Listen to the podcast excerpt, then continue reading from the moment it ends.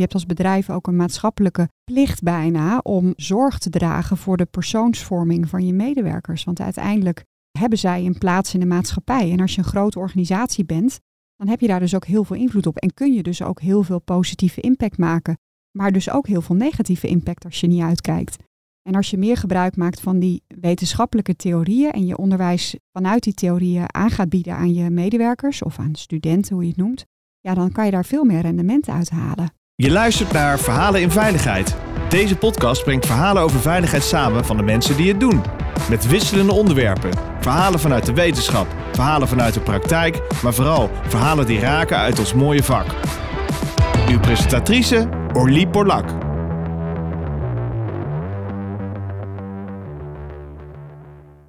Welkom uh, luisteraars, het is weer tijd voor een uh, mooie podcast. Ik zit in de studio uh, een beetje klein en krap, maar wel heel gezellig met Anoushka Bonnes. Zij is aanjager van leren, ontwikkelen en presteren en helpt organisaties om meesterschap te ontwikkelen. Anoushka is momenteel werkzaam bij Van Dorp, maar helpt ook andere organisaties in deze ontwikkeling. Dus praten vooral vanuit haar vakmanschap. Welkom, hartstikke leuk dat je hier bent. Dankjewel. En luisteraars willen eigenlijk gewoon meteen weten, wat is dat meesterschap? Ja, meesterschap heeft meerdere definities. Je zou kunnen zeggen dat het in Japan is uitgevonden. Eén taak tot in perfectie uitvoeren. Nou, in onze context staat meesterschap voor de beste worden in je vak en jezelf continu verbeteren en ontwikkelen. Dus dat gaat meer over de mindset die mensen hebben als ze bij een organisatie werken. Nou, de beste worden in je vak kan ook betekenen dat je de beste allrounder wordt. Niet iedereen hoeft een specialist te zijn. Nou, dat is waar meesterschap in onze context over gaat. En hoe uh, belangrijk is leren en ontwikkelen? Leren en ontwikkelen is enorm belangrijk. Kijk naar de wereld die elke dag wel uh, lijkt te veranderen. De onzekerheid is groot. Kijk naar corona, hè, welke impuls het digitalisering heeft gegeven. Nou, daardoor ontstaat er ook automatisch een urgentie om, om mensen digitaal vaardiger te maken. Maar je ziet dat we daar eigenlijk in alle sectoren, of in ieder geval de meeste sectoren, een ontwikkelachterstand in hebben die we in sneltreinvaart nu moeten inlopen. Ik zou ervoor pleiten om, uh, om daar wat beter op te anticiperen als bedrijf. En zie je naast digitalisering nog meer uitdagingen waar leren en ontwikkelen misschien op in kan springen en hulp kan bieden? Ja, als je kijkt, digitalisering is een van de belangrijkste thema's, maar vooral ook de energietransitie. Die is voor ons bedrijf met name heel erg belangrijk. Dat vraagt ook om andere skills. En hè, wat ik je net voor deze uitzending ook al vertelde, ik reed een tijdje geleden achter een eh, busje van een concurrent. Ik weet de naam niet meer en ik, ik zal hem ook niet noemen. Maar daar stond op klimaatveranderaar gezocht. En ik kon het helaas niet opschrijven, want ik was aan het rijden. Maar toen dacht ik, ja, maar dat is wel de essentie waar het over gaat. Je bent geen monteur, maar je draagt bij hè, vanuit je expertise aan een beter klimaat. Dus je hebt een opdracht. Dat vind ik wel heel erg mooi. Dus die energietransitie, dat is ook een van de belangrijkste thema's. Ja. En die digitalisering. Ja. Wat moet ik me daarbij voorstellen? Wat moeten mensen nu anders gaan doen dan dat ze, nou ja, misschien tien jaar geleden of vijf jaar geleden hebben gedaan? Hoe ziet dat werk er anders uit? Je ziet een toename van remote werken. Mensen werken steeds meer op afstand, tijd en plaats onafhankelijk. Nou, dat is in een sector die gelieerd is aan de bouw eh, best wel ingewikkeld. De mensen binnen kunnen dus eigenlijk een ander ritme gaan aanhouden dan de mensen buiten, die veelal werken tussen 7 en 4. Ja, en als er dan mensen binnen zijn die s'avonds gaan werken, dan is dat best wel ingewikkeld. Je ziet die trend wel en we staan er inmiddels ook meer voor open om het te doen. Blijkt dat de resultaten ook gewoon prima blijven, ook in coronatijd. Dus ik vind het zeker een ontwikkeling eh, om te volgen. waardoor mensen ook wat meer rust gaan ervaren, wat meer werkplezier wellicht krijgen in hun werk, wat meer autonomie ervaren om hun werk in te delen, zonder dat het ten koste gaat van de resultaten die je met elkaar afspreekt. En robotisering zie je ook dat equipment en de middelen waar je mee werkt, dat die aan het veranderen zijn, dat dat weer competenties van mensen gaat vragen? Ja, zeker. Robotisering zien mensen soms als bedreiging voor hun werk. En dat kan ik me ook heel goed voorstellen. Maar tegelijkertijd denk ik dat het juist ook een kans is, omdat je daardoor met name routinematige taken veel meer uit handen kunt geven, waardoor je zelf betekenisvoller werk kunt doen. Vroeger stond ik best wel regelmatig achter de kopieermachine om functioneringsverslagen in te scannen. En ik, ik vroeg me toen al af van, goh, is dit nou zo zinvol? Zou dit niet anders kunnen? Nou, inmiddels eh, zijn we zoveel jaar verder en zijn daar wel eh, veranderingen gelukkig in doorgevoerd. Maar robotisering ja, gaat ook wel heel veel kansen brengen. En gaat ongetwijfeld ook andere skills van mensen vragen. Ik weet dat ze op de basisschool tegenwoordig soms al het vak programmeren krijgen. Het vak programmeren in mijn basisschooltijd had ik daar nog nooit van gehoord. Dus je ziet dat die wereld enorm verandert. En zijn mensen daar eigenlijk bang voor? Een beetje een gekke vraag misschien, maar weet je, als je nou 50, eh, 60 bent, het is wel in een rap tempo gegaan. Hè? Dus ja. corona heeft het misschien nog meer versneld. Alles wat je digitaal kan doen, oplossen. We betalen zelfs met onze telefoon. Ik heb niet eens meer eigenlijk een portemonnee bij me. Nee, klopt. Had je 30 jaar geleden moeten zeggen, joh, je gaat straks naar de winkel zonder portemonnee. Ja, dat klopt. Als mensen ja. dachten, je bent niet goed. Ja, dat klopt. Ja. En dingen als tikkie. Eigenlijk als je erbij nadenkt, nu vinden we het normaal. Ja. Maar dat je iemand gewoon een appje kan sturen. Ja. En iemand je gewoon kan betalen en dan is het gewoon ja. geregeld. Ja, mijn moeder maakt een foto van de bankpas en dat is haar tikkie. En elke keer probeer ik mijn moeder te vertellen, mam, je kunt het tikkie. Dat is een appje en dat kun je downloaden en dan kun je, nee, zegt ze, maar dit is mijn tikkie. En ik veroordeel dat niet, maar ik probeer wel aan te geven dat het wel makkelijker kan. En dat is misschien ook tegelijk wel het gevaar wat er ontstaat. Je krijgt aan de ene kant nieuwe, jongere mensen binnen en aan de andere kant toch mensen die intern wat ouder worden. Dus er ontstaat een kloof. Dus het doel moet zijn dat je die kloof dicht en dat je met respect voor elkaars kennisniveau, om het maar zo te zeggen, toch je doelen als bedrijf weet te halen. Want de mensen die wat ouder zijn, hebben heel veel impliciete kennis, dragen ze met zich mee. En de jongere garde heeft misschien kennis over programmeren en over robotisering en over 3D-printen en over IT. Dus we zouden veel meer wat dat betreft van elkaar kunnen leren. Dat kan wat mij betreft prima naast elkaar bestaan. En is dat denk je ook een taak wat bij leren en ontwikkelen zou moeten horen? Ja, ja, zeker. Dat gaat over hoe je met elkaar samenwerkt, hoe je met elkaar leert. En daarbij vind ik het wel heel belangrijk dat het zonder oordeel gebeurt. Hè? Want wat ik wel regelmatig hoor van ja, de jeugd van tegenwoordig, ik betrap mezelf daar ook wel eens op ja, die lijken wel eens van een andere planeet te komen in vergelijking met de wat oudere mensen. Maar wat die ouderen weet, dat weet die jongeren niet. En wat die jongeren weet, dat weet die ouderen niet. Dus we moeten wat dat betreft veel meer op zoek gaan naar de, ja, de overeenkomsten en wat we van elkaar kunnen leren. En samen word je daar nog sterker van. Misschien gaat het ook wel een beetje over het meester-gezel-principe, zou je kunnen zeggen. Dat is ook een interessant eh, thema. Maar vergrijzing is denk ik ook wel een uitdaging. Ja. Ik hoor meer bedrijven praten over dat kennis wegvloeit uit de organisatie. Ik was laatst met een uh, klant in gesprek en die vertelde van, joh, we hebben nu allemaal monteurs in dienst. Die werken hier al meer dan 30 jaar. Ze staan vlak voor hun pensioen. Ze hebben geen tijd, want er is te veel werk. Ja. Maar ze gaan straks weg en ze lopen de deur uit met een hoofd vol kennis.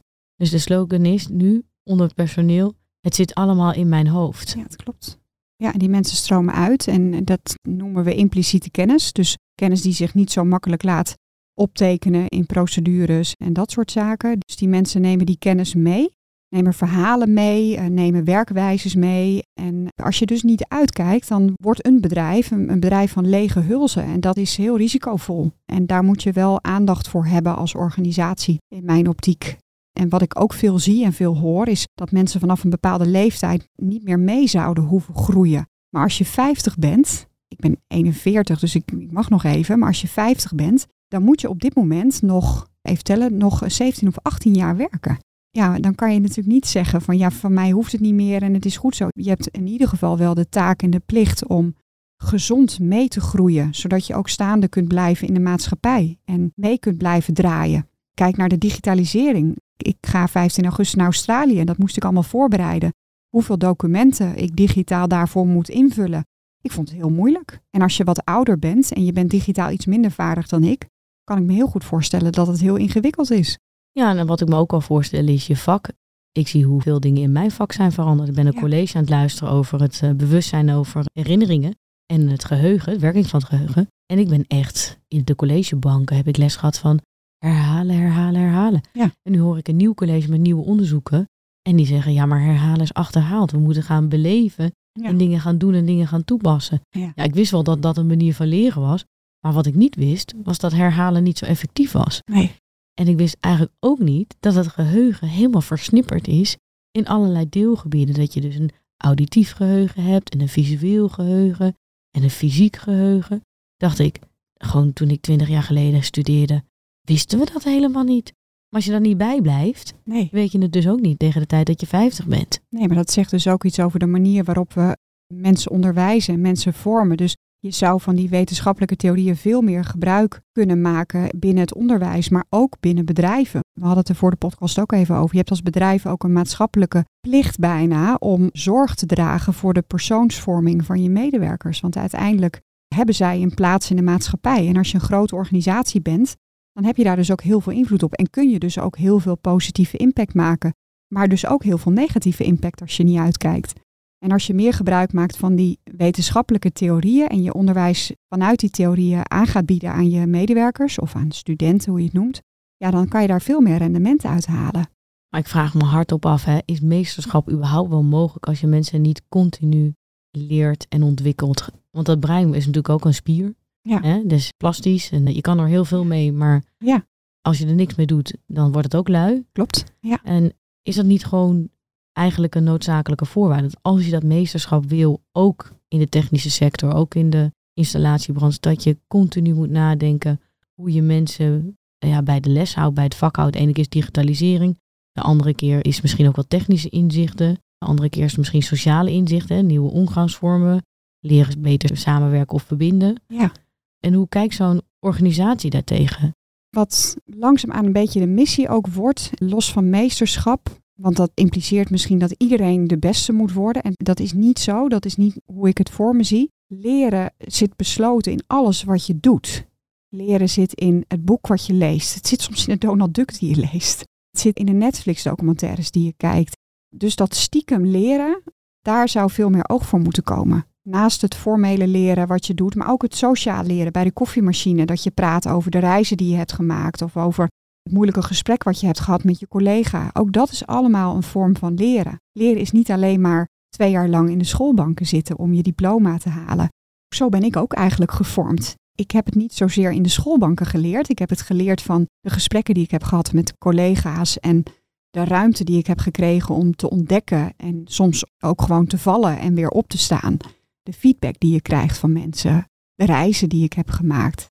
Dat is voor mij leren geweest. En de hele manier waarop ik gevormd ben, heb ik zelf allemaal verzameld. Ik heb allerlei ingrediënten verzameld die mij aanspraken. En op die manier ja, heb ik vormgegeven aan mijn loopbaan. En dat kan ook een pad naar meesterschap zijn. En dat is ook nooit af. Je brein vormt zich tot op hele hoge leeftijd. Het schijnt dat vrouwenbrein meer en sneller verbindingen kan aanmaken dan mannenbrein. Dat hoorde ik laatst in een podcast, dus dat is ook wel interessant. Maar als je uitgaat van dat gegeven, kan je dus tot hele hoge leeftijd kan je dus blijven ontwikkelen. Waardoor de kans op bijvoorbeeld welvaartsziekten zoals dementie ook een stuk kleiner wordt als je je hoofd blijft trainen. We vinden het allemaal heel normaal dat je elke week in de sportschool staat aan de gewichten. Maar mentale fitheid, daar hebben we het eigenlijk nooit over. En dat is wel de uitdaging van deze tijd. Dat mensen mentaal fit blijven om om te gaan met bijvoorbeeld een coronapandemie. En dat gaat ons weer overkomen. Of met een oorlog. Of met klimaatcrisis. Of nou, kijk naar alle uitdagingen die we op dit moment hebben. Als je een beetje wankel bent, dan heb je het op dit moment heel erg moeilijk. Maar dan is de vraag natuurlijk, moet een bedrijf daarin faciliteren? Ja, daar kan je over discussiëren. Je hebt als bedrijf wel een verantwoordelijkheid. Hè? Je hebt de verantwoordelijkheid over in ons geval 2000 mensen. Dus dat betekent dat je heel veel invloed hebt op de vorming van die mensen. Je geeft leiding aan 2000 mensen. Nou, dan hoef ik dat gelukkig niet te doen. Maar degene die dat wel doet, die moet zich beseffen wat voor een invloed die daarmee heeft. Zowel positief als negatief. En zou ik dus anders daarnaar kunnen kijken. Hoe kan ik bijdragen aan de mentale fitheid van mijn mensen? En wat kan ik daarvoor doen? Zonder dat je een, nou per se in school wordt, want dat is natuurlijk niet de core business. Maar maak er wel een speerpunt van. Zorg dat je mensen mentaal fit blijven. En dat ze zich gezond voelen en dat ze blij zijn en dat ze met plezier naar hun werk gaan. Dat ze veerkrachtig zijn. Burn-out cijfer is binnen het bedrijfsleven is heel erg hoog. Werkgevers moeten zich dat wel aantrekken. Daar zijn ze wel mede verantwoordelijk voor. En raakt op die manier leren en ontwikkelen ook het andere vraagpunt, wat een dilemma is, is de arbeidstekorten. Zit daar een correlatie? Ja, daar zit zeker een correlatie. Ja, op het moment dat je een kennisvoorsprong ontwikkelt, dat is in ieder geval mijn opvatting, dan word je dus veerkrachtiger en wendbaarder als organisatie.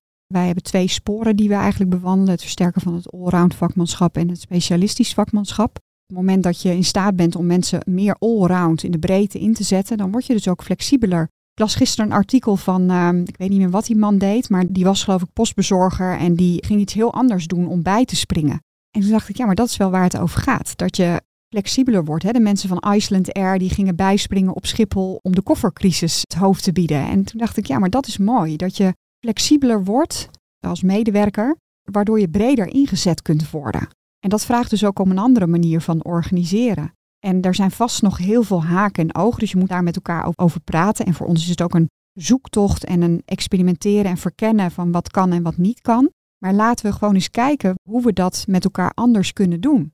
Want dat het systeem zoals we dat nu hanteren anders moet, nou, dat is inmiddels iedereen wel, uh, wel duidelijk geworden, zowel op macroniveau als op microniveau. En denken bedrijven niet van, uh, ja, maar die medewerkers die willen helemaal niet. Ik kan ze van alles aanbieden, ik kan ze helemaal ontwikkelen. Ja. We kunnen een heel uh, learning and development afdeling oprichten, maar die oudere medewerker, die, ja, voor hem hoeft het allemaal niet zo vaar. Ja, maar dat is ook een stelling die we zelf innemen. Hè? We, we koppelen vaak leren aan oh, we willen promotie of we willen een andere rol. Maar dat is helemaal niet waar leren over gaat. Is maar een handjevol mensen wat echt doorgroeit verticaal.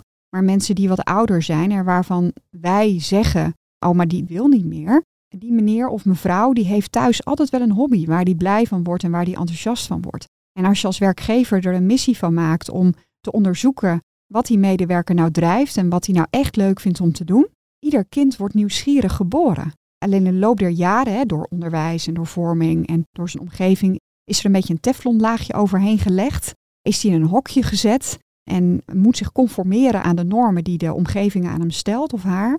Maar ik ben ervan overtuigd dat iedereen een passie heeft of iets heeft wat hij het liefste doet. dat kan zijn de PlayStation. Nou, als dat de PlayStation is, oké, nou misschien is het wel leuk om hem dan een aanbod te bieden op het gebied van gaming, bijvoorbeeld. Dus er is niet meer one size fits all. Dus je moet als bedrijf, in ieder geval als groot bedrijf of als sector, moet je dus ook anders kijken naar de manier waarop mensen leren. Nou, dat gebeurt natuurlijk bij uitstek op de werkplek. Je moet werkplek leren bijvoorbeeld heel goed gaan faciliteren. Dat kan je met gaming doen, dat kan je met e-learning doen, dat kan je met tutorials doen, dat kan je met podcasts doen. Dus ja, je moet op een hele andere manier kijken naar hoe je de boel met elkaar organiseert. En betekent dat eigenlijk ook dat we naar een nieuwe soort organisatiefilosofie gaan? Want ja. volgens mij was leren en ontwikkelen is altijd een beetje een staffunctie geweest. Ja. Het was in ieder geval geen vaste C in de, in de boord. Nee, nee. Maar als leren de hoeksteen gaat worden van de organisatie om vooruit te komen, om een antwoord te zijn op arbeidstekorten, om een antwoord te zijn op het weglopen van kennis, op het meekomen in robotisering, in de energietransitie, betekent dat eigenlijk niet dat we op een hele andere manier naar onze eigen organisaties moeten gaan kijken? Absoluut. Alleen dat is moeilijk, dat is complex, hè? want er zijn hele systemen gecreëerd in de loop der jaren, groot, groter, grootst. En dat is heel ingewikkeld om dat, om dat te veranderen. En dat verander je ook niet van de een op de andere dag, maar het raakt aan alles. En uiteindelijk zie ik wel een toekomst vormen waarbij alle muurtjes die we gecreëerd hebben opgetrokken worden. En waarbij er dus niet meer gesproken wordt. En ook die visie van mij is daarin ook wel een klein beetje veranderd. Dat het niet meer gaat over een stafafdeling die iets doet met leren en ontwikkelen. We moeten het gaan faciliteren. En we moeten met elkaar gaan samenwerken. En dat gaat over afdelingen heen. En ja, ik denk wel dat leren straks een hoeksteen wordt van een organisatie die zorgt voor stevigheid en zorgt dat het een robuuste organisatie wordt. Ik vind de metafoor van een dijk altijd wel heel erg mooi. We kunnen de weersomstandigheden nog niet beïnvloeden, maar we kunnen wel zorgen voor stevige dijken. Dus als er een overstroming komt, daar is Nederland natuurlijk over het algemeen heel goed in, dan zorgen we voor stevige dijken. En zo zou je ook kunnen kijken naar je kennisopbouw. En parallel daaraan zou je een nieuwe kennisinfrastructuur kunnen ontwikkelen. Want hoe, hoe, leren mensen met elkaar en hoe kunnen we dat vormgeven? Dus zorg dat je een stevige dijk ontwikkelt. En dat betekent dat je als organisatie soms je bal iets verder weg moet schoppen dan morgen of overmorgen. Je moet jezelf wel uitdagen om iets verder in de toekomst te kijken en daarop anticiperen. En nu overkomt ons altijd alles. En niet alleen in onze sector, ik zie dat in heel veel sectoren gebeuren. En bij de overheid ja, dat vraagt om een ander perspectief. Ja. Mensen als kapitaal zien. Ja, mensen als kapitaal zien. En dat zie ik ook bij Van Dorp. Hè. Er zit zoveel bevlogenheid en zoveel passie. En niet iedereen is per se een sterspeler, maar het hoeft ook helemaal niet. Dat zou ook helemaal niet goed zijn. Maar maak gebruik van al die bevlogenheid die we hebben. Dus ja, instroom van kennis is heel belangrijk. Maar laten we ook eens over onze schouders kijken wat we allemaal in huis hebben. En hoeveel bevlogen mensen met heel veel impliciete kennis we hebben. En laten we dat nou eens koesteren. En laten we nou eens kijken naar al die mensen bij elkaar. Ja, wat hebben die nou in huis? En wat voor een talent brengen zij mee? En hoe kunnen we ze nou inzetten? Los van functieprofielen. Wat kun jij nou bijdragen aan die organisatie? ik geloof dat iedereen daar wel op zijn of haar manier een hele mooie bijdrage aan kan leveren. Dankjewel voor deze mooie podcast. Alsjeblieft.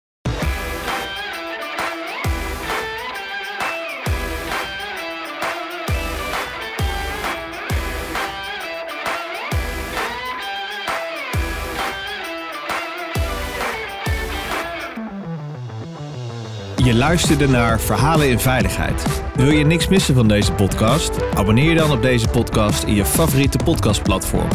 Of laat een recensie achter via Apple Podcast. Dank voor het luisteren. Graag tot de volgende.